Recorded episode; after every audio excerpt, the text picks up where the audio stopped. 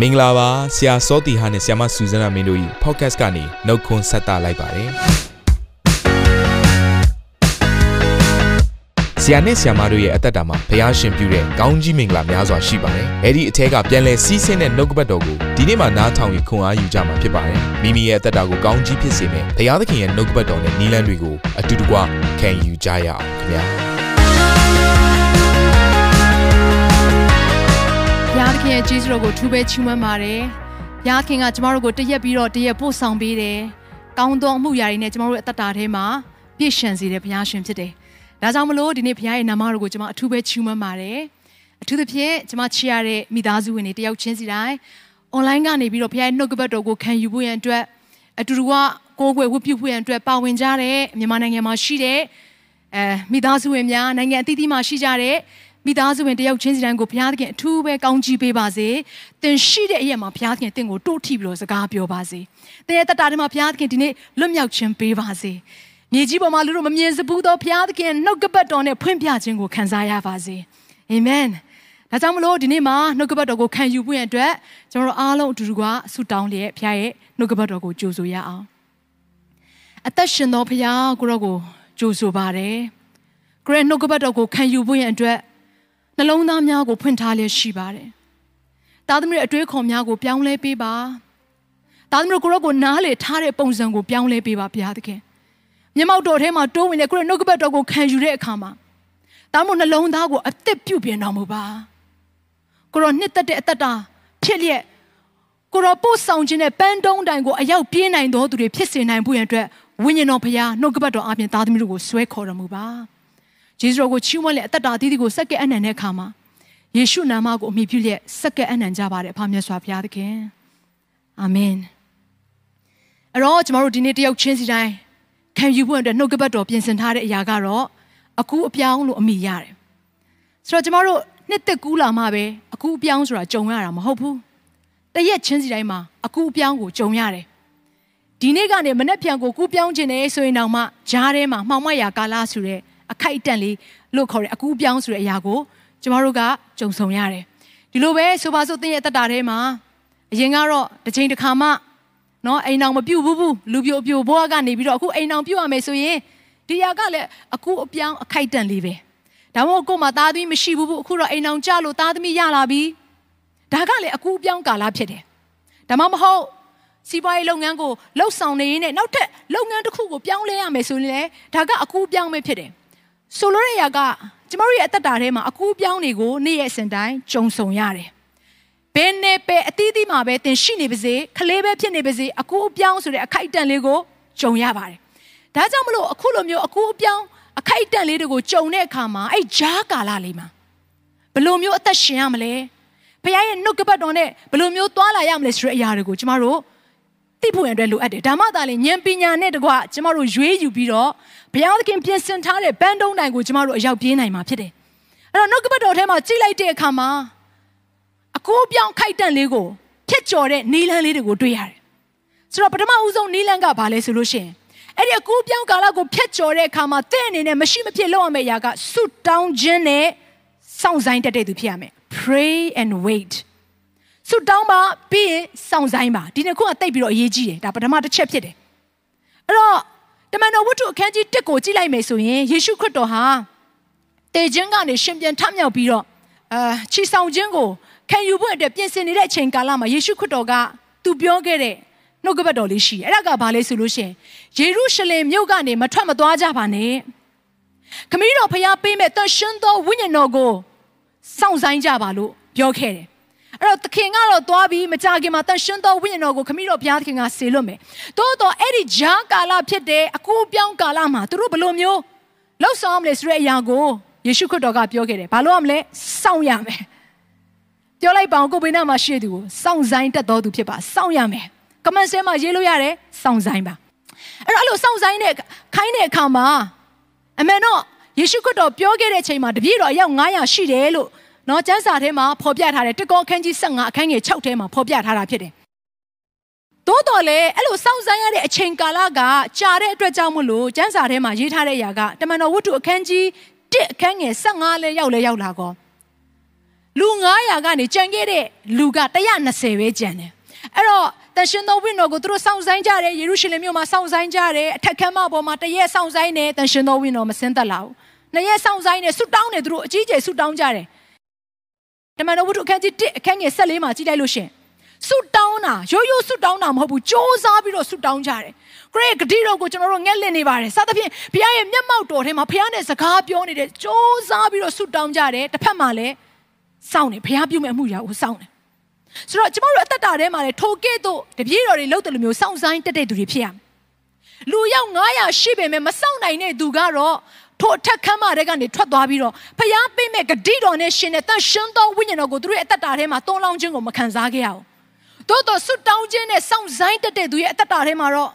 ဘုရားသခင်ပေးတဲ့ဂတိတော်နဲ့ရှင်တဲ့တန်ရှင်းသောဝိညာဉ်တော်ကိုသူတို့ရဲ့အသက်တာထဲမှာ ခံစားရတယ်။ဖျားပြုတဲ့အမှုရာကိုမြင်ရတယ်။တမန်တော်ဝတ္ထုအခန်းကြီးနှစ်လဲရောက်လဲရောက်လာကော။တရှင်တော်ဝိညာဉ်ကသူတို့အပေါ်မှာအာကြီးစွာတွန်းလောင်းပြီးတော့သူတို့ရဲ့ကောင်းပေါ်မှာမီးရှာကဲ့သို့ထင်ရှားတယ်။သူတို့ရဲ့အသက်တာထဲမှာတကောကိုခံစားရတဲ့အခါမှာအဲ့ဒီနေ့မှာတဲ့သူတို့အားဖြင့်ပြောင်းလဲတဲ့သူအရေးအတွက်ကအများကြီးပဲ။ရှင်ပေတရုထားပြီးတော့ဝင်ငါတဲ့အခါမှာလူ3000ပြောင်းလဲတယ်။နောက်တစ်ခေါက်ထပ်ပြီးတော့ဝင်ငါတဲ့အခါမှာလူ9000ပြောင်းလဲတယ်။ဆိုလိုတဲ့အရာက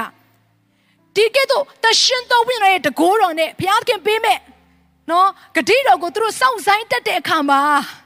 အသက်တာထဲမှာထူးခြားခြင်းကိုမြင်ရတယ်။ဒါကြောင့်မလို့တည့်ရဲ့အသက်တာထဲမှာဘလို့အခြေအနေကိုဖျက်ချော်နေရတဲ့အခိုက်အတန့်လဲတော့ကျွန်မမသိဘူး။တိုးတော့ကျွန်မနားလေစေခြင်းတဲ့ຢာကဘလို့အခြေအနေပဲဖြစ်ပါစေ။တည့်ရဲ့ဘုရားရဲ့မျက်မှောက်တော်ထဲမှာဆွတောင်းခြင်းနဲ့တိုးဝင်တော်သူဖြစ်ပါ။ဘုရားပြုမဲ့အမှုရာကိုစောင့်ဆိုင်တတ်တော်သူဖြစ်ဖို့အတွက်ကျွန်မအားပေးခြင်းတယ်။တချို့သောသူတွေအနေနဲ့အဲကြုံရတဲ့အမှုကိစ္စကဥပမာပေါ့နော်။နော်စီးပွားရေးလုပ်ငန်းထဲမှာ တစ်ဖက်သူကိုတရားဆွဲလောက်ရတဲ့အဆင့်ထိ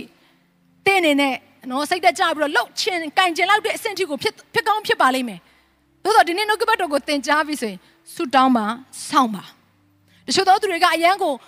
အိမ်အောင်ပြုတ်ကျင်နေပြီ။အော်ငါအသက်အရွယ်လွန်နေပြီပေါ့။ဒါပေမဲ့ကျွန်မပြောချင်တယ်နော် being alone is better than နော် being in wrong relationship တယောက်တည်းနေတာကနော်မှားယွင်းနေတဲ့အဖော်ဖက်နဲ့ သွားပြီးတော့အသက်ရှင်ရတယ်ပို့ပြီးတော့ကောင်းတယ်အဲ့တော့တခါတလေဘုရားသခင်ကစောင့်ဆိုင်ခိုင်းတဲ့အချိန်မှာစောင့်ဆိုင်ပါစိတ်မလောပါနဲ့တခါတလေကိုကနော်ဘာမှမဟုတ်တဲ့အရာတစ်ခုအတွက်စိတ်လောလိုက်ခြင်းအပြင်အသက်တာထဲမှာမကြုံသင့်မကြုံအပ်တဲ့အရာတွေအားလုံးကိုအဲ့ဒီအသီးနှံတွေအားလုံးကိုရိတ်သိမ်းရတဲ့အခါမှာစူးပင်တွေအားလုံးကိုကျမတို့ကလိုက်ရိတ်သိမ်းရတဲ့အခါမှာအသက်တာထဲမှာဝမ်းနေခြင်းတွေနဲ့ပဲရင်ဆိုင်ရပါတယ် ဒါကြောင့်မလို့စောင့်ဆိုင်တက်တဲ့သူရဲ့အသက်တာထဲမှာဆူတောင်းခြင်းလို့ခေါ်တယ်ဘုရားသခင်ရဲ့စကားပြောပြီးတော့တိုင်ပင်ဘက်ပြုတ်တက်တော်သူရဲ့အသက်တာထဲမှာကြီးစွာသောငြိမ်ဝှက်ခြင်းရှိတယ်ဘုရားသခင်ပြုတ်မဲ့ဂတိတော်ကိုခံစားရတယ်ဒါကြောင့်မလို့သင်ရဲ့အသက်တာထဲမှာတခါတလေစဉ်းစားပါလိမ့်မယ်ငါအခုချိန်ထိဘုရားပေးထားတဲ့ဂတိတော်ကိုငါရဲ့အသက်တာထဲမှာဘာလို့မရသေးသလဲငါရဲ့အသက်တာကအခုဒုံရင်ကနေဒုံရင်ဘယ်တော့မှမတိုးတက်တဲ့အသက်တာကြီးဖြစ်နေပြီလားလို့သင်အနေနဲ့တွေးထင်နေတယ်ဆိုရင် စိတ်မပြတ်ပါနဲ့ဘုရားသခင်စောင့်ခိုင်းပြီဆိုလို့ရှိရင်ကျမတို့စိတ်ပြတ်စေဖို့နဲ့စောင့်ခိုင်းတာမဟုတ်ဘူးဒါကြောင့်မလို့ဟေရှာယအခန်းကြီး40ထဲမှာဗာပြောထားလေဆိုလို့ရှိရင်ထာဝရဘုရားကိုမျှော်လင့်ပါတဲ့မျှော်လင့်ခိုင်းနေဆိုတဲ့ຢာကစောင့်ဆိုင်ခိုင်းတယ်လို့ပြောတာ wait upon the lord wait just wait ထာဝရဘုရားကိုမျှော်လင့်တော်သူတို့မူကအားပြေကြလိမ့်မည်တဲ့ရွှေလင်းတာကဲ့သို့မိမိရဲ့အတောင်ကိုအသက်ပြုတ်ပြင်မယ်ဟာလေလုယာ ပြဿနာတွေရဲ့အထက်မှာတင့်ကိုဘုရားသခင်ပြန်ဝဲနိုင်ရတဲ့အခွင့်ကိုပေးလိမ့်မယ်။ရန်သူတွေကတင့်ကိုလိုက်မမီနိုင်တဲ့တနေရာအထိတင့်ကိုဘုရားသခင်ကပို့ဆောင်ပေးဖို့ရန်အတွက်တင့်ရဲ့အတောင်တွေကိုအသက်ပြုတ်ပြင်နေတဲ့အချိန်ကာလဖြစ်တယ်။စောင့်ဆိုင်ရာကာလဟာကျမတို့အင်အားပြန်ပြီးတော့မွေးရတဲ့ကာလဖြစ်တယ်။ဝိညာဉ်အင်အားကာယအင်အားဉာဏ်ပညာအင်အားကိုပြန်လဲပြီးတော့စုသိမ်းနေတဲ့ကာလဖြစ်တယ်။ Just wait. Just pray. ဆုတောင်းပါစိတ်မပြတ်နဲ့ မကြခင်မှာအမှုတက်ကိုဘုရားရှင်ပြုတော်မယ်ဟာလေလုယာရွှေလင်းတာကဲတော့ကျွန်တော်တို့အတောင်ကိုအသက်ပြုတ်ပြင်မယ်တဲ့ပြေးတော်လည်းမပင်ပန်းစောင့်ပြီးရင်ပြေးရတဲ့ကာလရောက်လာလိမ့်မယ်ခရီးသွားတဲ့ကာလရောက်လာလိမ့်မယ်ဒါကြောင့်မလို့ဒီနေ့ဘုရားခင်ကသင်ရဲ့ခြေလမ်းတွေကိုအနောက်ကိုတလန်းဆုပ်ထားပြီးတော့ခဏလေးနားပါအောင်ငါသားမကြခင်မှာသင်ပြေးရမယ့်အချိန်ကာလဆိုတာရှိတယ်ရိုးရိုးပြေးရမှာမဟုတ်ခြေတယ်တို့နဲ့ပြေးရမှာမဟုတ်မြင်းတယ်တို့နဲ့အပြိုင်ပြေးရတဲ့ကာလမှာ ခွန်အားပြည့်နဲ့ပြေးနိုင်ဖို့အတွက်တင့်ကိုဘုရားသခင်ပြင်ဆင်နေတဲ့အချိန်ကာလရှိတယ်အာမင်ဒါကြောင့်မလို့ဟပ်ပကုတ်ထဲမှာဗာပြောထားလေဆိုရင်အခန်းကြီး2အခန်းငယ်3ထဲမှာဆိုင်းတော်လဲမျောလင်းတော့နောက်မကြပဲဧကအမှန်ရောက်လိမ့်မယ်ခုချိန်မှာတော့စောင့်ဆိုင်နေရတဲ့ကာလဖြစ်ပင်ပဲခဏလေးထပ်ပြီးတော့စိတ်ရှိပါအောင်ငါသားငါသမီးကြာခင်မှာဖျားပြုမဲ့အမှုအသက်ကိုမြင်ရလိမ့်မယ်လို့နှုတ်ကပတ်တော်ထဲမှာဖော်ပြထားတယ်အာမင်အဲ့တော့ ပြန်ပြီးတော့နှုတ်ကပတ်တော်ကိုကြည့်လိုက်ပါအာဗြဟံရဲ့အသက်တာထဲမှာအာဗြဟံကိုဘုရားသခင်ကဂရိတော်နဲ့ရှင်တဲ့သားအိဇက်ကိုပေးမယ်လို့ပြောတဲ့အခါမှာကပ္ပဦးကျမ်းခန်းကြီး7နှစ်မှာပြောခဲ့တာဖြစ်တယ်။အဲ့ဒီအချိန်မှာအာဗြဟံရဲ့အသက်က85နှစ်ပဲရှိသေးတယ်။သို့တော့ဖျားပေးတဲ့ဂတိကိုဘယ်အချိန်မှရလဲဆိုလို့ရှိရင်ကပ္ပဦးကျမ်းခန်းကြီး21မှာရတာဖြစ်တယ်။အဲ့ဒီအချိန်မှာအာဗြဟံရဲ့အသက်ကအသက်တရာရှိသွားပြီ။ဆိုတော့ဖျားပေးမဲ့ဂတိကိုအာဗြဟံဘယ်နှစ်နှစ်စောင့်လိုက်ရလဲဆိုတော့25နှစ်စောင့်လိုက်ရတယ်။ အခုနတပည့်တော်တွေကတော့အထက်ခန်းမမှာတရှင်သောဝင်းတော်သုံးလောင်းမဲ့ຢာကိုစောင့်နေຢာကတော့10ရက်ပေါ့။သို့တော်လည်းအဲ့10ရက်တောင်မှမစောင့်နိုင်တဲ့သူတွေရှိတယ်။လူရောက်900ကျော်မှာလူ120ပဲကျန်တယ်။အခုအာဗြဟံလိုမျိုးသားနှစ်ပေါင်းများစွာစောင့်ရမယ်ဆိုရင်ဘုရားရဲ့ဂတိတော်အပေါ်မှာတန်တရားရှိတဲ့သူတွေအများကြီးရှိပါလိမ့်မယ်။သို့တော့အာဗြဟံကတန်တရားမရှိဘူး။ဟာလေလုယာ။ဘုရားပေးမဲ့အရာပေါ်မှာ तू စိတ်ရှည်စွာနဲ့စောင့်ခဲ့တဲ့အခါမှာဘုရားပေးမဲ့ဂတိတော်ကိုရတယ်။သို့တော့ဂျာကာလာမှာတော့ သူရဲ့အမျိုးသမီးရဲ့နော်အကြံပေးတဲ့အရာကို तू လက်ခံလိုက်တဲ့အခါမှာဘာရရှိလာလဲဆိုတော့ဣရှမေလကိုရရှိလာတယ်ဣရှမေလဆိုတာကဖျားပေးတဲ့ဂတိတော်တော့မဟုတ်ဘူးဒါကြောင့်မလို့ဖျားပေးတဲ့ဂတိတော်မဟုတ်တဲ့ဣရှမေလကိုရတဲ့အခါမှာဖျားကအာဗြဟံကိုယုံကြည်ခြင်းအားကြီးတဲ့သူလို့မသတ်မှတ်ခဲ့ဘူးသို့တော့ဖျားပေးတဲ့ဂတိတော်ဖြစ်တဲ့ဣဇက်ကိုရပြီးတော့ ဖခင်ရဲ့နော်စကားအတိုင်းဒီဣဇက်ကို तू ပြုစုတယ်စောင့်ရှောက်တယ်ဒါတွေမကတည်းကဖခင်ကပြန်ခေါ်မယ်ဆိုရင်တော့မှ तू ကပေးရတဲ့အခြေအနေရောက်လာတဲ့အခါမှာဒီနေ့ဖခင်ကသူ့ကိုယုံကြည်ခြင်းမှာသူရဲ့ကောင်ယုံကြည်ခြင်းရဲ့ဖခင်ဆိုပြီးတော့သတ်မှတ်တယ်ပြောချင်တဲ့အရာကစောင့်ဆိုင်းရတဲ့ကာလကိုကျမတို့ဖျက်ချော်တဲ့အခါမှာစိတ်ရှည်စွာနဲ့စောင့်ဆိုင်းပါဆုတောင်းပါအကယ်၍ဂျားကာလမှာကျမတို့စိတ်မရှည်တဲ့အရာတစ်ခုခုသာဖြစ်ခဲ့ရင်တော့အမင်္ဂလာနဲ့ဆိုင်တဲ့အရာတွေကိုကျမတို့ခံစားရမှာဖြစ်တယ် ဒါကြောင့်မလို့သင်ရဲ့အသက်တာထဲမှာဖခင်ရဲ့ဂရုတော်ကိုငက်လိမ့်မယ်ဆိုလို့ရှိရင်စစ်မှန်တဲ့ကောင်းကြီးမင်္ဂလာကိုရရှိလိမ့်မယ်စစ်မှန်တဲ့ဘုရားသခင်ငြိမ်သက်ခြင်းကိုရရှိလိမ့်မယ်ဘုရားသခင်ထမလာတဲ့စစ်မှန်တဲ့ခွန်အားကိုရရှိပြီးတော့တကယ်ကိုဖခင်ရောက်စေခြင်းနဲ့ပန်းတိုင်ကိုသင်အရောက်ပြင်းနိုင်မှာဖြစ်တယ်ကဲဆက်ပြီးတော့ကြည့်လိုက်ပါစောင့်ဆိုင်တက်တဲ့သူရဲ့အသက်တာထဲမှာကောင်းကြီးရှိတယ်ဆိုတဲ့အရာကိုပြောချင်တာပါမောရှေဆိုလို့ရှိရင်ဖခင်ခေါ်ထားတဲ့ဂတိတော်ကိုရောက်ရှိပေါ်တဲ့နှစ်40တောထဲမှာစောင့်ဆိုင်ခဲ့ရတယ်အာမင် ယောသက်ဆိုလို့ရှိရင်ဖျားပေးမဲ့ဂတိတော်ကိုရရှိဖို့ရအတွက်73နှစ်တိုင်တိုင်စောင့်ဆိုင်းခဲ့ရတယ်။တချို့သောအချိန်တွေမှာ तू စောင့်စားရတဲ့ရေကထောင်ထဲမှာစောင့်ဆိုင်းခဲ့ရတာ။ကြော်အနေနဲ့စောင့်ဆိုင်းခဲ့ရတာ။အထင်မှားမှုတွေဆွဆွဲမှုတွေကြားထဲမှာစောင့်ဆိုင်းခဲ့ရတာဖြစ်တယ်။သို့တော့အဲ့စောင့်စားရတဲ့ကာလမှာယောသက်ဟာလည်းဖျားသခင်ပေါ်မှာသစ္စာရှိနေတော့မယ်။ဖျားပြုမဲ့အမှုကိုမျှော်လင့်တတ်နေတော့မယ်။ဟာလေလုယာ။ယေရှုခရစ်တော်လည်းဒီအတိုင်းပဲ။ သူ့ကိုခမီးတော်ဘုရားခင်ကဒီလောကထဲမှာဒီလောကကိုကယ်ချွတ်ဖွင့်အတွက်ဆေလွတ်တယ်ဆိုပေမဲ့အဲ့ဒီအမှုတော်ဆောင်လုပ်ငန်းကိုမစခင်အနှစ်30လုံးလုံးယေရှုခရစ်တော်ဟာစောင့်ဆိုင်ခဲ့ရတယ်။စောင့်ဆိုင်တဲ့အခါမှာကျွန်တော်တို့အနေနဲ့တက်တောင့်တက်တာမဖြစ်ပေမဲ့အစင်မပြေဖြစ်ဖြစ်နေပေမဲ့အားမလို့အားမရဖြစ်နေပေမဲ့စောင့်ဆိုင်တဲ့ကာလကိုတင်ကောင်းကောင်းဖျက်ချော်နိုင်တယ်ဆိုလို့ရှိရင်အင်အားအပြည့်နဲ့တင်လှုပ်ဆောင်မဲ့အရာတွေအားလုံးကိုအလှည့်လည်မြဲမြဲလှုပ်ဆောင်နိုင်မှာဖြစ်တယ်။အာမင်။ကဲ ဆက်ပြီးတော့ကြည့်စေချင်တယ်အဲ့ဒီစောင့်စားတဲ့ကာလမှာကျမတို့အကူပြောင်းကာလမှာဒုတိယတစ်ချက်အနေနဲ့အရေးကြီးတဲ့အရာတစ်ခုကဘာလဲဆိုရင်နှုတ်ကပတ်တော်နဲ့အကြံပေးလမ်းညွှန်မှုကိုရယူတတ်တော်သူဖြစ်ဖွင့်အတွက်အရေးကြီးတယ် godly wisdom godly advice တခါတလေကျမတို့ကပြဿနာတွေကြုံလာပြီဆိုလို့ရှိရင်နော်ကျမတို့တကယ်ကိုလော်ကီပညာမှာအားကြီးတဲ့သူတွေစီကိုတွားတယ်အကြံဉာဏ်တောင်းခံကြတယ်ကောင်းလာဆိုတော့မစိုးပါဘူးကောင်းပါတယ်တချို့တချို့သောအရာတွေအတွက်ပြေလည်သွားနိုင်စရာအကြောင်းရှိတယ် သို့တော့ကျမနားလေစေခြင်းတဲ့အရာတစ်ခုကဘာလဲဆိုတော့လောကီပညာနဲ့ရှင်လိုက်ပြီဆိုရင်ဖခင်ရဲ့ပညာကဒါပဲမြတ်ပါတယ်အဲ့တော့သင်အနေနဲ့အရင်ဆုံးလုပ်မယ့်အရာကဖခင်ရဲ့နီးလန်းနဲ့ဖခင်ရဲ့နှုတ်ကပတ်တော်နဲ့ဖခင်ရဲ့ဉာဏ်ပညာနဲ့တင့်ကိုအကြံပေးနိုင်မဲ့ဝိညာဉ်လူတွေစီကိုသွားစီခြင်းတယ်ပထမတစ်ခုကတော့ဖခင်စီသွားမယ်အခုဒုတိယတစ်ချက်မှာတော့ဝိညာဉ်လူတနည်းအားဖြင့်တင့်ကိုဖခင်ရဲ့နှလုံးသားနဲ့အပြည့် အကြံပေးလက်ညွန်ပေးနိုင်မဲ့နော်ဘုရားကိုကြောက်ရွံ့ရိုးသေးတဲ့နေလဲနဲ့အကြံပေးနိုင်မဲ့လူတွေစီမှာအကြံဉာဏ်တောင်းခံဖို့ရတဲ့လိုအပ်ပါတယ်။ဒါမှသာလေသင်ရဲ့တက်တာထဲမှာမာနနဲ့ဆိုင်တဲ့နေလဲနေထဲမှာမပါသွားမှာဖြစ်တယ်။အဲ့တော့ကျွန်တော်တို့နှုတ်ကပတ်တော်ထဲမှာကြည့်လိုက်လို့ရှိရင်မောရှေအကြောင်းကိုတွေ့ရတယ်။အဲ့တော့မောရှေဟာဒီဘုရားခင်ဒီဥဆောင်ခိုင်းတဲ့လူသိန်းနဲ့ချီတန်းနဲ့ချီတဲ့လူတွေကိုဥဆောင်ရတဲ့အခါမှာခက်လာဆိုတော့ခက်တာပေါ့။အဲ့တော့ခက်တဲ့အခါမှာဘာဖြစ်လဲဆိုရင်ထွတ်မြောက်ခြင်းခန်းကြီး၁၈ကိုကြည့်လိုက်တဲ့အခါမှာ လူတွေကအများကြီးဖြစ်တဲ့အခါမှာပြဿနာတွေကတအားများတယ်ပြဿနာတွေကများတဲ့အခါမှာသူ့အနေနဲ့ဖြေရှင်းရတဲ့အခါမှာတယောက်တည်းဖြေရှင်းရတော့တော်တော်လေးပင်ပန်းတယ်အဲ့တော့တနေ့ကျတော့အဲ့လိုပြဿနာတွေကိုဖြေရှင်းနေတဲ့အချိန်မှာဘသူကရောက်လာလဲဆိုတော့သူ့ရဲ့ရောက်ခမနော်ရေတယောကရောက်လာတယ်အဲ့လိုရောက်လာတဲ့အခါမှာမောရှိလုံနေတဲ့ຢာကိုကြည်တာပေါ့မောရှိကဘာလုပ်လဲဆိုတော့ပြဿနာဖြစ်တဲ့သူတွေအားလုံးကိုတခါတည်းတရားစီရင်တာပေါ့နှုတ်ကပတ်တော်အတိုင်းအဲ့တော့တရားစီရင်ဖို့နဲ့လုပ်တဲ့အခါမှာမနက်ကနေတဲ့ညနေဆောင်အထိ သူကအဲ့လူတွေအားလုံးကိုတယောက်တည်းဒိုင်ကန်နော်အဲစီရင်ပေးရတယ်တွန်တင်ပေးရတယ်ဒါနဲ့မောရှေရောက်ခမကသူ့ကိုပြောတယ်ဟာမင်းမနေ့ကနေညအထိဒီတိုင်းလုံနေတော့မသင့်တော်ဘူးနော်ငါသားရင်မသင့်တော်ဘူးအဲ့တော့အဲ့လိုမျိုးသားမင်းဆက်လုပ်မယ်ဆိုလို့ရှိရင်မင်းအင်အားလေးချိနေမယ်ကျန်တဲ့သူတွေအားလုံးလည်းနော်မင်းရဲ့အဲမင်းစီကလာတဲ့တရားစီရင်ခြင်းကိုစောင့်နေနေအားလုံးအားရကြမှာဖြစ်တယ်ဒါကြောင့်မလို့ငါအကြံပေးမယ်နော်မောရှေရောက်ခမအကြံပေးမယ်လို့သူ့ကိုပြောတယ် အဲ့တော့မင်းလုံးမဲ့ຢာကတော့ဘာလို့ရမလဲဆိုလို့ရှိရင်ဒီပြဿနာတွေအားလုံးကိုဖြေရှင်းဖို့ရန်အတွက်ဘုရားသခင်ကိုကြောက်ရွံ့ပြီးတော့ဘုရားရဲ့နှုတ်ကပတ်တော်ကိုနားလည်ပြီးတော့ဟိုဘုရားသခင်ကိုယိုသေးတဲ့သူကိုရှာပါတဲ့နော်နီးလဲအကြံပေးတယ်နှုတ်ကပတ်တော်နဲ့ဆိုင်တဲ့နီးလဲပေါ့အဲ့လိုမျိုးအကြံနော်ပေးလိုက်တဲ့အခါမှာမောရှေသဘောပေါက်သွားတယ်အဲ့တော့အဲ့လူကိုရှာပြီးတော့တထောင်အုပ်တရာအုပ်90အုပ်30အုပ်ဆိုပြီးတော့ခွဲလိုက်ပါခွဲပြီးတော့မှပြဿနာကိုဖြေရှင်းခိုင်းပါ ပြီးတော့မှအဲ့ပြဿနာတွေအားလုံးကိုရလာပြီဆိုလို့ရှိရင်မင်းအနေနဲ့နားလည်သွားပြီဆိုလူတွေရဲ့အကြောင်းကိုဘုရားရဲ့အရှိမတိုးဝင်ပြီးတော့ဖော်ပြပေးပါအဲ့တော့မင်းလို့မယ့်ရာကဘာလဲဆိုလို့ရှိရင်ဖျားသခင်ထံကိုတိုးဝင်တဲ့အလုပ်ကိုလုပ်အောင်မှာဖြစ်တယ်လူတွေရဲ့ပြဿနာကိုရလာပြီဆိုရင်လူတွေစီမှာမင်းကတိုက်ရိုက်သွားပြီးတော့ဖြေရှင်းရမှာမဟုတ်ဘူး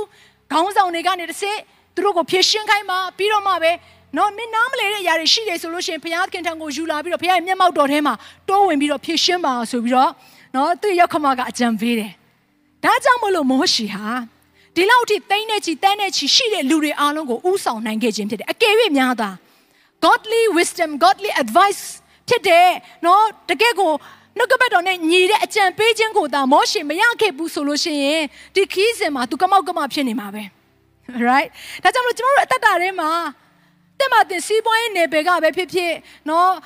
ဘယ်လိုမျိုးနိုင်ငံရေးနယ်ပယ်ကပဲဖြစ်ဖြစ်ဘယ်နယ်ပယ်ထဲမှာရှိနေပါစေတဲ့တက်တာထဲမှာလိုအပ်တဲ့အရာကဘုရားသခင်နဲ့ဆိုင်တဲ့နော်ဉာဏ်ပညာကိုရရှိဖို့အတွက်ထိုအကြံဉာဏ်တွေကိုဘုရားသခင်ရဲ့လူစီမှာတွားရောက်တောင်းခံဖို့အတွက်လိုအပ်တယ်လို့ကျွန်မအကြံပေးခြင်းတယ်နော်ကျွန်မကျွန်မဒါတကယ်ပြောတာပါကျွန်မတို့ရဲ့အသက်တာထဲမှာလဲကျွန်မနဲ့ဆရာစောတီရဲ့အသက်တာထဲမှာလဲဘုရားသခင်ထံမှာလာတဲ့နော် အာနီလန်းတွေကိုရရှိနိုင်ဖို့ရန်အတွက်ကိုကိုရိုင်းတွန်းဝင်ရသလိုတခါတလေမှာဝิญဉ်နဲ့ဆိုင်တဲ့ကျမတို့ကိုလမ်းပြပေးနိုင်တဲ့သူတွေစီကိုကျမတို့တွားပြီးတော့အကြံဉာဏ်တောင်းခံရတဲ့အခြေအနေတွေကြုံခဲ့ဘူးတယ်အဲကြုံလဲကြုံနေတယ်ဆက်ပြီးတော့လဲကျမတို့တောင်းခံအောင်မှာဖြစ်တယ်သို့တော်လူကိုအားကိုးတာမဟုတ်ဘူး ဘုရားသခင်ရဲ့အကြံဉာဏ်ကိုမသိတဲ့အရာတွေအားလုံးကိုတစ်ဖက်မှာဘုရားသခင်ဖော်ပြထားတဲ့အရာရှိရင်ကျမတို့ရယူနိုင်ဖို့ရန်အတွက်ဖြစ်တယ်တစ်ဖက်မှာသူ့အသက်တာထဲမှာနော်ဘုရားသခင်နဲ့တွာလာခဲ့ပြီးတော့မှဘလိုမျိုးသူဖြတ်ကျော်ခဲ့တယ်လဲဆိုရဲနှုတ်ကပတ်တော်နဲ့ဆိုင်တဲ့နှုတ်ကပတ်တော်နဲ့ညီညွတ်တဲ့ဘုရားသခင်ကိုကြောက်ရွံ့တဲ့အကြံဉာဏ်တွေကိုကျမတို့ရလာဖို့အတွက်ဖြစ်တယ်ကိုယ့်ရဲ့လူတဘာဝလူနီးလန်းနဲ့ဖြတ်ကျော်လိုက်လို့ရတဲ့အရာတွေအများကြီးရှိတယ်။သို့တော့ဘုရားသခင်ကိုကြောက်ရွံ့ခြင်းအပြင်ဘုရားသခင်ရဲ့နီးလန်းနဲ့တာ၍ အသက်တာထဲမှာအသက်ရှင်နိုင်ဖို့အတွက်ဖြစ်တယ်။အဲ့တော့ကျမနဲ့ဆရာစောတီဟာဆိုလို့ရှိရင်စင်ကာပူကနေမြန်မာနိုင်ငံကိုပြန်လာဖို့ရအတွက်စဉ်းစားတဲ့အခါမှာအရန်ကိုခက်ခဲတဲ့အခါမှာကျမတို့အကြံဉာဏ်ရယူရတဲ့ဝိညာဉ်ရေးခေါင်းဆောင်တွေရှိတယ်။နောက်ဆုံးအခု the city church cornerstone church မှာတာ၍တိုးပွားလာတဲ့အခါမှာဘယ်လိုမျိုးကင်တွဲရမလဲဆိုတဲ့အရာကိုနားမလည်တဲ့အခါမှာတော့ကျမတို့ကို guideline ပေးမယ်ဆရာတွေဆရာမတွေစီမှာအကြံဉာဏ်ယူရတယ်။တချို့သောပြဿနာတွေကိုကျမတို့မဖြေရှင်းနိုင်တဲ့အခါမှာကျမတို့အကြံဉာဏ်တောင်းခံရတဲ့အရာတွေရှိတယ်။ဘာဖြစ်လာလဲအသက်တာထဲမှာ အမှားနဲနဲနဲ့အရှိကိုမြန်မြန်ရောက်တယ်အဲ့တော့တင်းရဲ့တက်တာထဲမှာအမားနည်းနည်းနဲ့တနည်းအားဖြင့်ဉာဏ်ပညာကြီးမားစွာနဲ့အရှိကိုမြန်မြန်ရောက်နိုင်ခြင်းနဲ့ဆိုရင်ဒီနေ့တင်းရဲ့ပတ်ဝန်းကျင်မှာဖျားပေးထားတဲ့ဝိညာဉ်လူတွေစီမှာအကျဉ်းဉာဏ်တောင်းခံပါ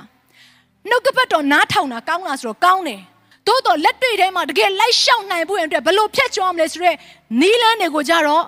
တိုင်ပင်ဆွေးနွေးခြင်းထဲမှာအကြံဉာဏ်ရယူခြင်းထဲမှာပဲရရှိနိုင်တယ်အဲ့တော့တင်းမိသားစုထဲမှာပြဿနာဖြစ်နေလား တင်းရဲ့စီးပွားရေးထဲမှာတင်းရဲ့နော်အာပညာရေးထဲမှာဒါမှမဟုတ်တင်းရဲ့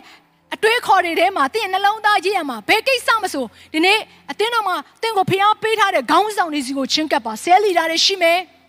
နော်ကျမတို့အာလေးပါစတာတွေရှိတယ်နောက်ဆုံးဘယ်သူမှအစင်မပြေတော့ဘူးဆိုလို့ရှိရင်နော်ကျမတို့ဒီမှာဆရာစောတရားရှိတယ်ကျမရှိမယ်ဆရာတိုက်တဲ့ဆရာမမေရီရှိတယ်ဘာကြီးမိုးကြီးတို့မှအစ ရှိနေပါတယ်ဆိုလိုတဲ့ຢာကတင့်ရဲ့အသက်တာထဲမှာ godly wisdom godly advice ကိုပေးဖို့အတွက်ကျမတို့ရှိနေပါတယ်ဘာအတွက်လဲဆရာကြီးလုပ်ဖို့မဟုတ်ဘူးမင်းပြုဖို့မဟုတ်ဘူးဘုရားသခင်နှုတ်ကပတ်တော်လမ်းအတိုင်းတင်အသက်ရှင်ရှောက်လဲနိုင်ဖို့အတွက်တင့်ကိုအကြံပေးမယ့်ຢာတွေဖြစ်တယ်အဲ့တော့မောရှေကတော့အကြံဉာဏ်ရတဲ့အခါမှာဘာဖြစ်လာလဲဆိုတော့သူ့ရဲ့အသက်တာထဲမှာတကယ်ကိုခေါင်းဆောင်ခေါင်းတစ်ယောက်အနေနဲ့နော်သူအသက်ရှင်နိုင်ခဲ့တာဖြစ်တယ်မှန်ပါတယ်ဒီလူတွေဟာ ဖះကိုရိုနာမှာဘယ်လိုမျိုးသတ်မှတ်ခဲ့ရလဲဆိုလေဘင်းခိုင်မာတဲ့အမျိုးတဲ့ဣဒေလလူမျိုးတွေဒါပေမဲ့အဲ့လေဘင်းခိုင်မာပြီးတော့ဖះတော်လက်လျှော့ခြင်းလောက်တဲ့လူကိုမောရှေကအဆုံးတိုင်အောင်ခေါ်တော့ပေးနိုင်နေဆိုတော့ဒါဟာနော်ဘုရားသခင်ထံကနေလာတဲ့အကြံဉာဏ်တွေဘုရားလူတွေစီကလာတဲ့အကြံဉာဏ်တွေအားဖြင့်သူဟာဥဆောင်နိုင်ခဲ့တဲ့အတွက်ကြောင့်မလို့ဖြစ်ပါတယ်။ဒါကြောင့်မလို့သင်ရဲ့အသက်တာထဲမှာ godly advice လိုနေတယ်။ဒါကြောင့်ဒီနေ့ကစပြီးတော့ကျွန်မအားပေးခြင်းတယ်။ဘယ်လိုအခြေအနေပဲဖြစ်နေပါစေ ဖခင်နှုတ်ကပတ်တော်ရဲ့နော်အသက်ရှင်မှု line ပေါ်မှာငါရှိနိုင်ဖို့ရဲ့အတွက် godly people ကိုရှာပြီးတော့ godly wisdom ကိုရယူဖို့နဲ့ကျွန်မအားပေးခြင်းတယ်။ကဲနောက်တစ်ချက်ကဘာလဲဆိုလို့ရှိရင်အဲ့လိုခိုက်တန်တွေကိုဖျက်ကျော်ရတဲ့အခါမှာဂျားကာလာတွေကိုတင်ဖျက်ကျော်ရတဲ့အခါမှာအရေးကြီးတဲ့အရာကဘုရားသခင်ကိုကိုးစားပြီးတော့နားထောင်ဖို့ရတဲ့ဖြစ်တယ် trust and obey အဲ့တော့ဘုရားသခင်ရဲ့စကားကိုနားထောင်နိုင်ဖို့ရတဲ့ဘုရားခင်ရဲ့စကားကိုကိုးစားနိုင်ဖို့ရအတွက်ဆိုတဲ့အရာကအရေးကြီးတဲ့အရာတစ်ခုက ယုံကြည်ဖို့လိုတယ် faith amen belief မယုံကြည်နိုင်နားမထောင်နိုင်ဘူးတော်တော်များများသောယုံကြည်သူတွေရဲ့အသက်တာတွေမှာဘုရားရဲ့ကောင်းကြီးမင်္ဂလာနဲ့ဘာဖြစ်လို့လွတ်ရတယ်လဲဆိုရင်မယုံကြည်နိုင်လို့ဖြစ်တယ်မယုံတဲ့အခါမှာနားမထောင်ဘူးနားမထောင်တဲ့အခါမှာအသက်တာထဲမှာဘာအကျိုးရလဲမှမမြင်ရအောင်ဒါကြောင့်မလို့ဣသရေလလူမျိုးတွေကိုဘုရားရှင်ကဘာပြောလဲဆိုလို့ရှင်အခုဂတိတော်ထားရပြီကိုငါပို့မယ်နော်ငါပို့မယ်ဘုရားသခင်ကိုတော်တိုင်ပို့မှာ အဲ့တော့မင်းတို့လော့မယ့်အရာကဂျားကာလမှာလော့မယ့်အရာတစ်ခုပဲရှိတယ်အဲ့ဒါကဘာလဲဆိုနားထောင်ရမယ်အဲ့အဲ့နားထောင်ခြင်းကိုဘုရားကနောက်ထပ် definition တစ်ခုဖွင့်ထားတယ်အဲ့ဒါကဘာလဲဆိုတော့မင်းတို့ငါ့ကိုချစ်မချစ်စိတ်နှလုံးအကျွမ်းမဲ့ငါ့ကိုတကယ်ချစ်မချစ်ဆိုတဲ့အရာကိုငါစုံစမ်းမယ်တဲ့စုံစမ်းတဲ့နီလန်းကနားထောင်ခြင်းနဲ့ဘုရားခင်ကစုံစမ်းတာဖြစ်တယ်တရားဟောရာကျမ်းခန်းကြီး73ခန်းငယ်1ကနေ4ကိုကြည့်တဲ့အခါမှာဘုရားပြောရတဲ့စကားလေးရှိတယ်ဣသရေလလူမျိုးတွေကို တင်တို့တွင် prophet ပြုတော်သူအိမ်မက်ကိုမြင်တော်သူသည်ပေါ်လာ၍တင်တို့မသိသောအခြားတစ်ပါးသောဘုရားကိုစီးကဲ့၍ဝတ်ပြုကြဆိုဟုပြောဆိုလျက်နမိတ်လက္ခဏာအံ့ဖွယ်သောအမှုကိုပေး၍ထိုနမိတ်လက္ခဏာအံ့ဖွယ်သောအမှုသည်ပြည့်စုံတော်လေထို prophet ပြုတော်သူအိမ်မက်ကိုမြင်တော်သူတွေစကားကိုနားမထောင်ရအကြောင်းမူကားတင်တို့သည်တင်တို့၏ဘုရားသခင်ထာဝရဘုရားကိုစိတ်နှလုံးအကျွင်းမဲ့ချစ်သည်မချစ်သည်ကိုတင်တို့၏ဘုရားသခင်ထာဝရဘုရားသည်စုံစမ်းတော်မူ၏ တင်တို့၏ဘုရားသခင်ထာဝရဘုရား၏နောက်တော်သို့လိုက်ရကြမည်။ကြောင်းရသောစိတ်နှင့်ပြည့်ညတ်တော်တို့ကိုစောင့်ရကြမည်။စကားတော်ကိုနားထောင်လျက်ဝတ်ပြု၍ကိုရိုနိုက်စီကက်မိဝဲကြရမည်။အဲ့တော့ဘုရားကဘာပြောလဲဆိုတော့အကယ်၍အခုဒီဂရိတော်ထားရပြီကိုသွားတဲ့အခါမှာလမ်းမှာအခက်အခဲပြဿနာကြုံလို့ငါကလည်းမင်းတို့ရဲ့ဆုတောင်းတန်ကိုအပြေမပေးဘူးဆိုရင်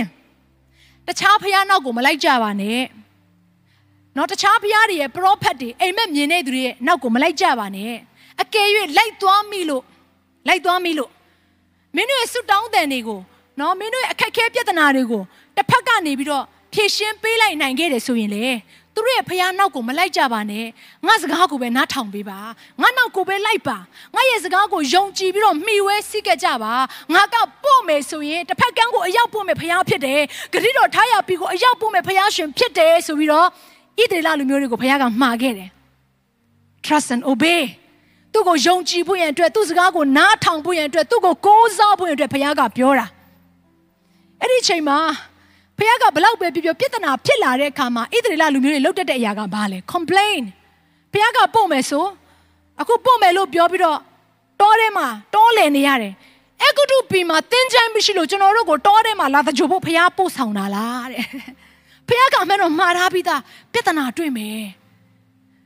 အဲ့ပြဿနာတွေကြုံလာတဲ့အခါမှာငါအဖြစ်မပေးဘူးအဲ့အခိုက်တက်လေးရောက်လာပြီဆိုရင်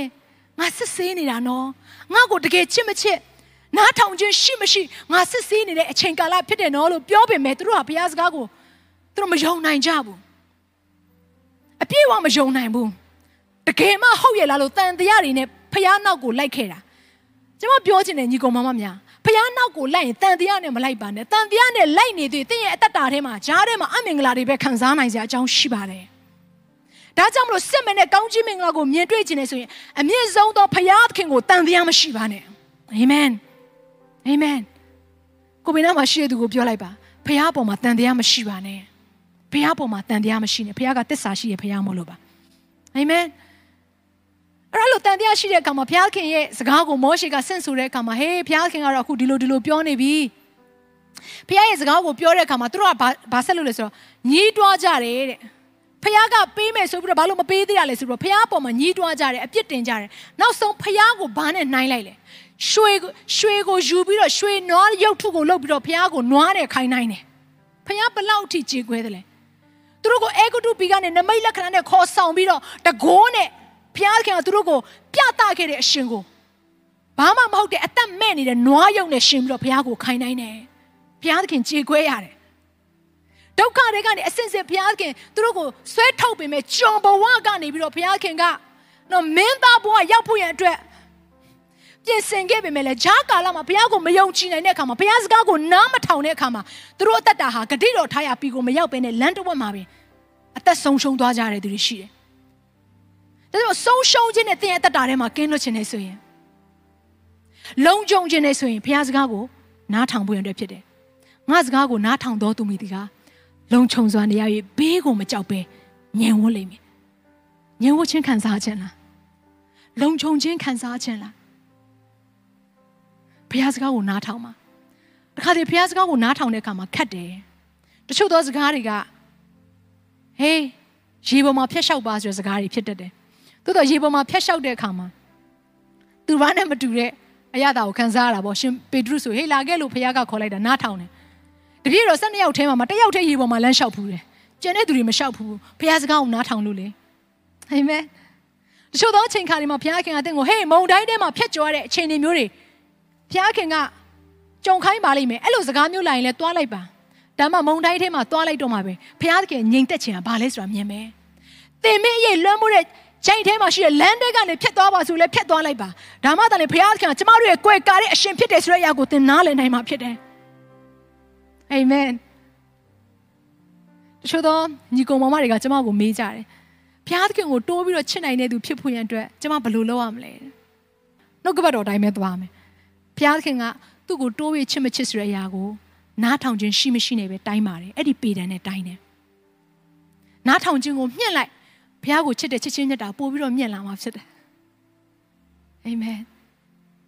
ပြဿနာတွေဘလောက်ပဲကြုံနေပါစေဘုရားစကားကိုငါနားထောင်အောင်မယ်ဘုရားကိုငါမျှော်လင့်အောင်မယ်ဘုရားကိုငါယုံကြည်အောင်မယ်ဘုရားကိုငါကိုးစားအောင်မယ်လူကိုကိုးစားခြင်းဟာတဲ့လူတွေရဲ့စကားကိုနားထောင်ပြီးတော့လူတွေရဲ့လမ်းထဲကိုလိုက်သွားခြင်းဟာတဲ့ကြင်ချင်းအမင်္ဂလာဖြစ်တယ်တဲ့ဖွဲကဲ့သို့ပဲကျမတို့အသက်တာဟာလွင့်သွားစရာအကြောင်းရှိတယ်သို့တော့ဘုရားစကားကိုနားထောင်တဲ့အခါမှာ မျက်နှာမှာစိုက်တဲ့အပင်လိုပဲအပူရှင်ယောက်ျောင်းကိုလည်းမသိဘူးအမြဲတမ်းစိမ့်လန်းနေပြီးတော့အသက်တာမှာအသီးသီးတဲ့အသက်တာကိုရရှိမှာဖြစ်တယ်အာမင်ဒါကြောင့်မို့ဘုရားရဲ့စကားကိုနားထောင်ပါအာဗြဟံအသက်တာထဲမှာဘုရားရဲ့စကားကိုနားမထောင်ခဲ့တဲ့တစ်ချိန်ရှိတယ်အဲ့ဒီချိန်ကဘယ်ချိန်လဲဆိုလို့ရှိရင်ဘုရားရဲ့ဂရုတော်ထားရာတားဖြစ်တဲ့ဣဇက်ကိုမရခင်သူ့ရဲ့အမျိုးသမီးရဲ့စကားကိုတွန်းနားထောင်လိုက်တာနားထောင်လိုက်တော့ဟာဂရနဲ့သွားအိမ်မိတယ်ကလေးမမရတာအသက်ကကြီးနေပြီဆိုတော့ ဖခင်ရဲ့ဂတိတော်ကိုနော်ယုံနိုင်ဖို့ရန်အတွက်ဖခင်ရဲ့စကားကိုနားထောင်ဖို့ရန်အတွက်ကိုယ့်ကိုစူးစမ်းကြည့်လိုက်တာနော်ဖခင်ပေးမယ်ဆိုဟုတ်ပါပြီဖခင်ပေးမယ်ဒါပေမဲ့ငါတို့ကလည်းလူဘက်ကနည်းနည်းလေးလောက်ရမယ်နဲ့တူတယ်ဆိုပြီးတော့လူဘက်ကအားထုတ်ကြည့်လိုက်တာဘာထွက်လာလဲဣရှမေလထွက်လာတယ်ကျိန်ချင်းနဲ့ဆိုင်တဲ့သူထွက်လာတယ်ဒါကြောင့်မလို့ကောင်းကြီးမင်္ဂလာရလာတဲ့အခါမှာတဲ့အရင်ကလုတ်ခဲ့တဲ့အသီးနှံဖြစ်တဲ့ကြိမ်ချင်းအမင်္ဂလာကကောင်းကြီးမင်္ဂလာကိုပြန်ပြီးတော့နှောက်ယှက်ပေးတယ်ဘယ်လိုနှောက်ယှက်ပေးလဲ ဣရှမေလကဣဇက်ကိုညှင်းဆဲတယ်နှောက်ယှက်တယ်အဲ့ဒါငယ်တဲ့အချိန်မှမဟုတ်ဘူးအမျိုးအနွယ်တွေရလာတဲ့အခါမှာမိဒရန်တို့အာမုံတို့အခုနမောဘတို့ဘသူအမျိုးအနွယ်တွေကဆင်းသက်လာလဲဆိုလို့ရှိရင်ဣရှမေလရဲ့အမျိုးအနွယ်တွေကဆင်းသက်လာတာဖြစ်တယ်အဲ့အမျိုးအနွယ်တွေအားလုံးဟာတဲ့ဣသေလလူမျိုးကိုအမြဲတမ်းညှင်းဆဲတယ်အမြဲတမ်းနှိပ်စက်တယ်အမြဲတမ်းအနှောက်ယှက်ပေးတယ်အမြဲတမ်းစစ်တိုက်တယ်ဆိုလိုတဲ့အရာကမကောင်းတဲ့မျိုးစေ့ဖြစ်တဲ့နားမထောင်ခြင်းမျိုးစေ့တစ်စိတ်ကိုစိုက်လိုက်တာဆွေစဉ်မျိုးဆက်လိုက်ရိတ်သိမ်းရတာမပြီးတော့ ဒါကြောင့်မလို့နားထောင်ခြင်းအကျိုးကျေးဇူးအပြင်ရရှိလာတဲ့ကောင်းကြီးမင်္ဂလာကတော့ကျမတို့တို့ပို့ပြီးတော့ကောင်းပါတယ်တခါနားမထောင်လို့ဣရှမေလတယောက်သာတင့်ရဲ့အသက်တာထဲမှာမွေးဖွားခြင်းခံရမယ်ဆိုရင်ဆယ်ကနားမထောင်လို့တော့ကျမတို့အသက်တာထဲမှာဘလောက်တောင်ကျင်ချင်းနေပြည့်နေမလဲဒါကြောင့်ဒီနေ့နောင်တရပါတင့်ရဲ့အသက်တာထဲမှာဘလို့ချင်းနေပဲဖြစ်နေပါစေငါဖះကိုယုံကြည်မယ်ဖះစကားကိုငါနားထောင်မယ်ဘလောက်ခက်ခဲတွေပဲရှိနေပါစေငါဖះထံကိုပဲလှည့်မယ်ဖះကိုကိုးစားမယ်ဖះကိုမှီဝဲမယ်ဖះကိုစီးကပ်မယ် ဒါကြောင့်ခုနပြောထားတဲ့အရာမှာကိုရော၌မှီဝဲစီးကပ်ကြရမည် cling cling C L I N G cling hold fast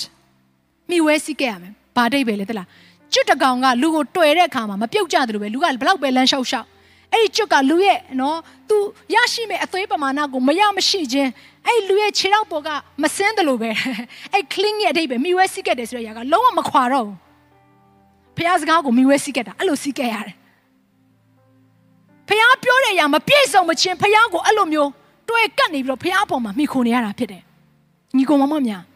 နေသင်ရဲ့တက်တာထဲမှာအတိတ်မှာဘလို့ပဲဖြစ်ခဲ့ဖြစ်ခဲ့ဒီနေ့ကစပြီးတော့ငါဖះစကားကိုနားထောင်မယ်ဆိုရယ်ဆုံးဖြတ်ချက်ကိုချစေခြင်းတယ်။ဒါပေမဲ့တခြင်းလေးတစ်ပုတ်ရှိရလေ trust and obey ကိုးစားပြီးတော့နားထောင်ပါကျမတို့ရဲ့မျှော်လင့်ခြင်းက ယေရှုပဲဖြစ်တယ်ဖခင်ပဲဖြစ်တယ်ဒီလောကနဲ့ဆိုင်တဲ့အရာကရွေ့လျာပျောက်ပြတ်သွားနိုင်တယ်သို့တော့ဖခင်ကဘယ်တော့မှမပျောက်ပြတ်တဲ့နှိပ်စထာရတည်တဲ့အရှင်သခင်ဖြစ်တယ်ဖခင်စကားပေါ်မှာခိုလုံတဲ့သူရဲ့တတ်တာထဲမှာလဲပျက်စီးခြင်းနဲ့အစင်မပြတ်ကင်းလွတ်တယ်ကိုယ့်ရဲ့လေးတဲ့ဝန်ထုတ်တွေအားလုံး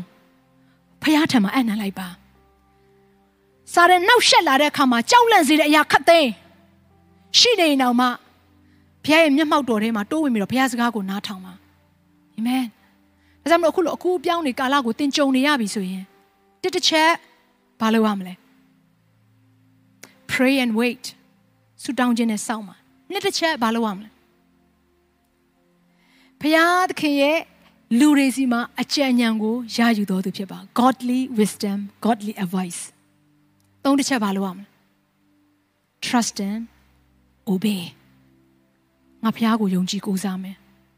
စစ်မှုဟာဖះအတာဖြစ်တယ်ဖះပို့မယ်ဆိုအရောက်ပို့မယ်ဖះပေးမယ်ဆိုဖះပေးမယ်အာမင်ဖះစောင့်ကိုင်းတဲ့အချိန်မှာငါစိတ်ရှိရှိနဲ့စောင့်မယ်ဖះရဲ့မျက်မှောက်တော်ထဲမှာဖះကိုပဲငါအမြဲတမ်းတိုးဝင်ချင့်ကပ်မယ်ဆိုတဲ့သူရဲ့အတ္တထဲမှာဘယ်တော့မှဆုံးရကိုဖះမရောက်စေဘူးဟာလေလုယာအဲ့တော့အခုချိန်မှာကျွန်မဒီသချင်းလေးတစ်ပုဒ်ကိုဆိုခြင်းနဲ့ trust and obey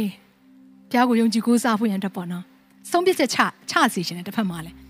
ဆုံးဖြတ်ချက်ကိုတိတိကျကျချလိုက်ပါဟုတ်တယ်ငါဘုရားကိုယုံကြည်ကိုးစားမယ်ဘုရားမျက်မှောက်တော်တွေကိုတိုးဝင်မယ်လူတွေစီမှာငါသွားတာမဟုတ်ဘဲနဲ့နော်ဘုရားရဲ့မျက်မှောက်တော်ထဲမှာရှိတဲ့နော်ဘုရားရဲ့တွန်းလောင်းခြင်းတွေကိုပဲငါရယူမယ်ဘုရားဖွင့်ပြတဲ့အရာတွေကိုငါခံယူမယ်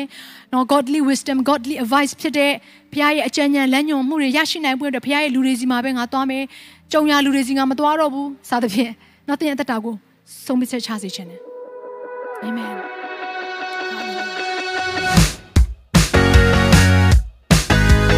နာတော်တာစင်သူတိုင်းရဲ့အသက်တာမှာကောင်းကြီးဖြစ်မယ်ဆိုတာကိုကျွန်တော်ယုံကြည်ပါတယ်။သင်ရဲ့အသက်တာအတွက်များစွာသော resource တွေနဲ့ update တွေကို Facebook နဲ့ YouTube platform တွေမှာလည်းကျွန်တော်တို့ပြင်ဆင်ထားပါတယ်။ Facebook နဲ့ YouTube တွေမှာဆိုရင် search box ထဲမှာစုစွမ်းနာမင်းလို့ရိုက်ထည့်လိုက်တဲ့အခါအပြအယောင်အမှန်ချစ်ထားတဲ့ Facebook page နဲ့ YouTube channel ကိုတွေ့ရှိမှာဖြစ်ပါတယ်။နှုတ်ကပတ်တော်တွေကိုဗီဒီယိုအားဖြင့်လည်းခွန်အားယူနိုင်ဖို့ရန်အတွက်အစဉ်သစ်ပြင်ဆင်ထားပါတယ်။ကျွန်တော်တို့ဝိညာဉ်ရေးရာအတွက်အထူးလိုအပ်တဲ့ဖွင့်ပြခြင်းတွေနဲ့ခွန်အားတွေကိုရယူလိုက်ပါ။ နောက်ရက်များမှာပြန်ဆုံတွေ့ကြရအောင်ခင်ဗျာ